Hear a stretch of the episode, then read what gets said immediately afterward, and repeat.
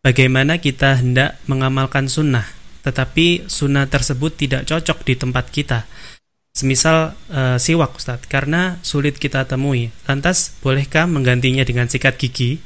Apakah uh, pahalanya tetap sama, hal itu tetap sama mengganti siwak dengan uh, sikat gigi?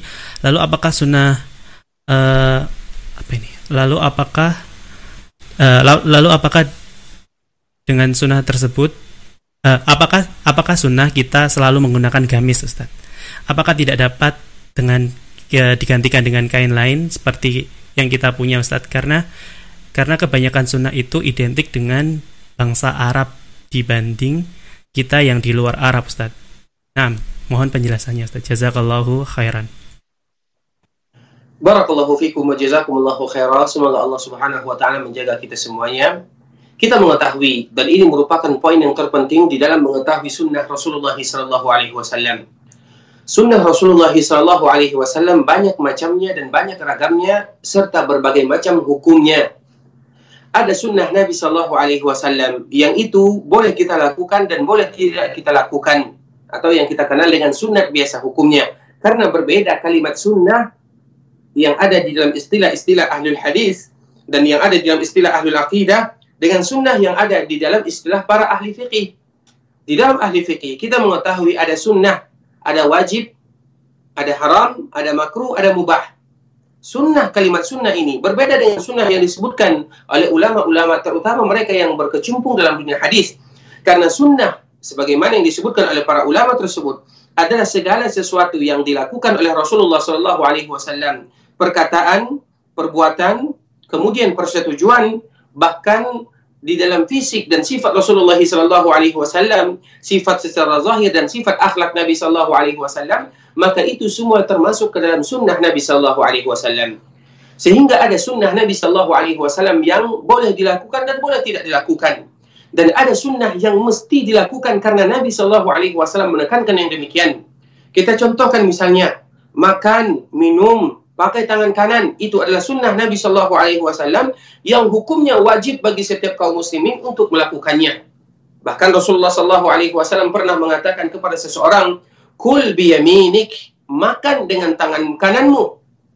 Kemudian ada seseorang tersebut yang dia tidak mengindahkan perkataan atau dia mengatakan la astati' saya tidak sanggup. Maka Nabi mengetahui dan dia mengatakan dia tidak sanggup, tidak lain tidak bukan adalah karena kesombongan. Maka Nabi Shallallahu Alaihi Wasallam menyebutkan lasta kamu tidak akan sanggup lagi. Maka setelah Nabi Shallallahu Alaihi Wasallam mengatakan yang demikian, maka dia tidak pernah lagi mengangkat tangan kanannya. Kenapa? Karena menganggap remeh sunnah Nabi Shallallahu Alaihi Wasallam. Nah sunnah ini bukan sunnah biasa. Sunnah ini adalah sunnah yang wajib kita lakukan dan yang wajib kita kerjakan. Sehingga apabila kita bisa memilah dan memilih Mana yang mewajibkan walaupun secara umum kita bangga melakukan sunnah Nabi Shallallahu Alaihi Wasallam, namun kita lihat situasi dan kondisi yang mana nanti akan kita jelaskan. Kemudian begitu juga dengan sunnah siwak, kita mengetahui secara hukum sunnah siwak ini adalah sunnah yang tidak diwajibkan terutama kepada kita.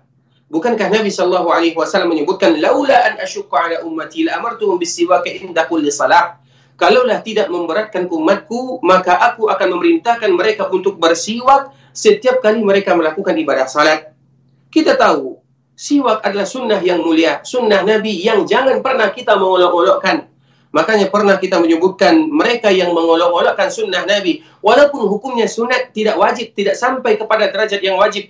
Namun jangan pernah diolok-olokkan Makanya mereka yang mengolok-olokkan sunnah siwak tersebut, Allah berikan kepada mereka hukuman yang sangat berat di dunia sebelum Allah Subhanahu wa taala memperlihatkan hukumannya di akhirat. Oleh karenanya, secara hukum siwak ini merupakan sunnah yang boleh kita kerjakan dan berpahala kita melakukannya, namun tidak berdosa kita meninggalkannya.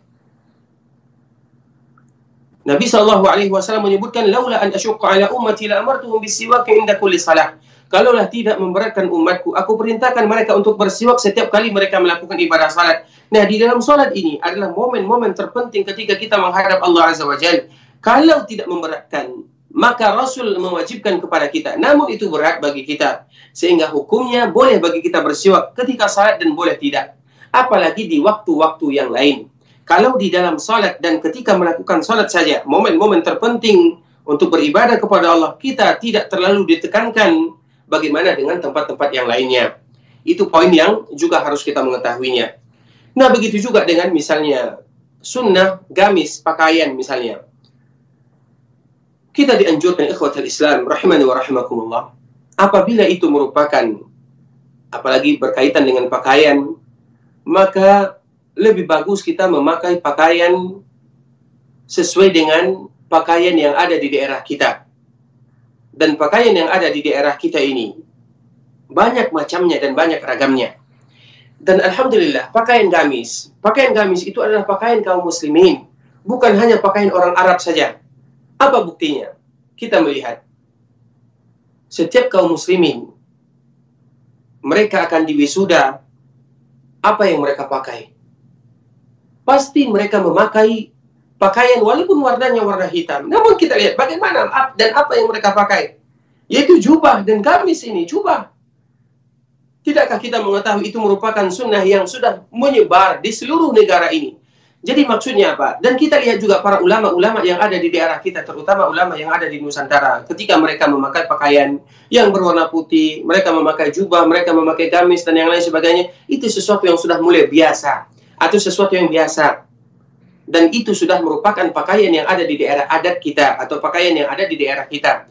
Namun secara umum ikhwatul Islam, kalau seandainya betul-betul di daerah kita pakaiannya adalah misalnya baju koko, baju misalnya baju baju batik dan yang lain sebagainya itu semua dikembalikan kepada adat dan tradisi selama pakaian tersebut adalah pakaian yang tidak menyelisih sunnah Nabi Shallallahu Alaihi Wasallam seperti misalnya pakaian yang syuhrah itu pakaian yang kita berbeda dengan yang lainnya maka itu tidak dianjurkan bahkan dilarang Nabi Shallallahu Alaihi Wasallam atau pakaian misalnya yang menutup mata kaki kita intinya di dalam masalah ini atau di dalam masalah sunnah secara umum bisa kita memperhatikan daerah terutama daerah kita.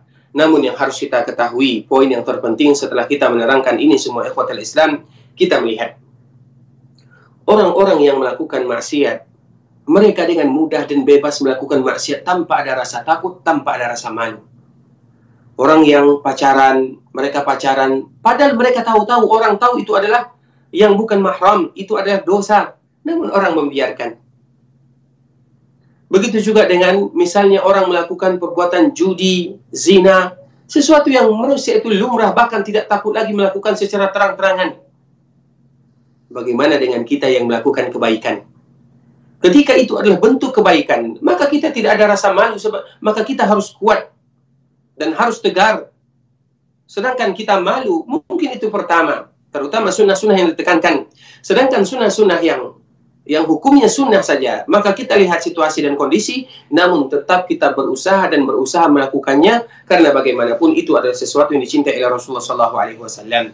Kemudian yang terakhir ikhwatul Islam, sebagaimana tadi pertanyaannya, apakah bisa diganti sunnah siwak dengan sikat gigi? Maka ketahuilah siwak itu ada kekhususannya yang tidak bisa diganti dengan sikat gigi. Kita tetap dianjurkan untuk membersihkan dengan berbagai macam alat seperti sikat gigi dan yang lain sebagainya. Namun siwak tetaplah siwak karena ada sesuatu hal di dalam siwak tersebut dan tidaklah Allah memilih melalui Nabi Shallallahu Alaihi Wasallam kayu siwak kecuali di kayu tersebut ada keutamaan-keutamaan khususnya. Atau ada hal-hal yang mungkin kita tidak tahu apa rahasia sebenarnya di dalam kayu siwak tersebut. Intinya bagaimana kita memohon kepada Allah Subhanahu wa taala memberikan kepada kita taufik dan barokah untuk senantiasa bisa melakukan sunnah Nabi sallallahu alaihi wasallam. Barakallahu fikum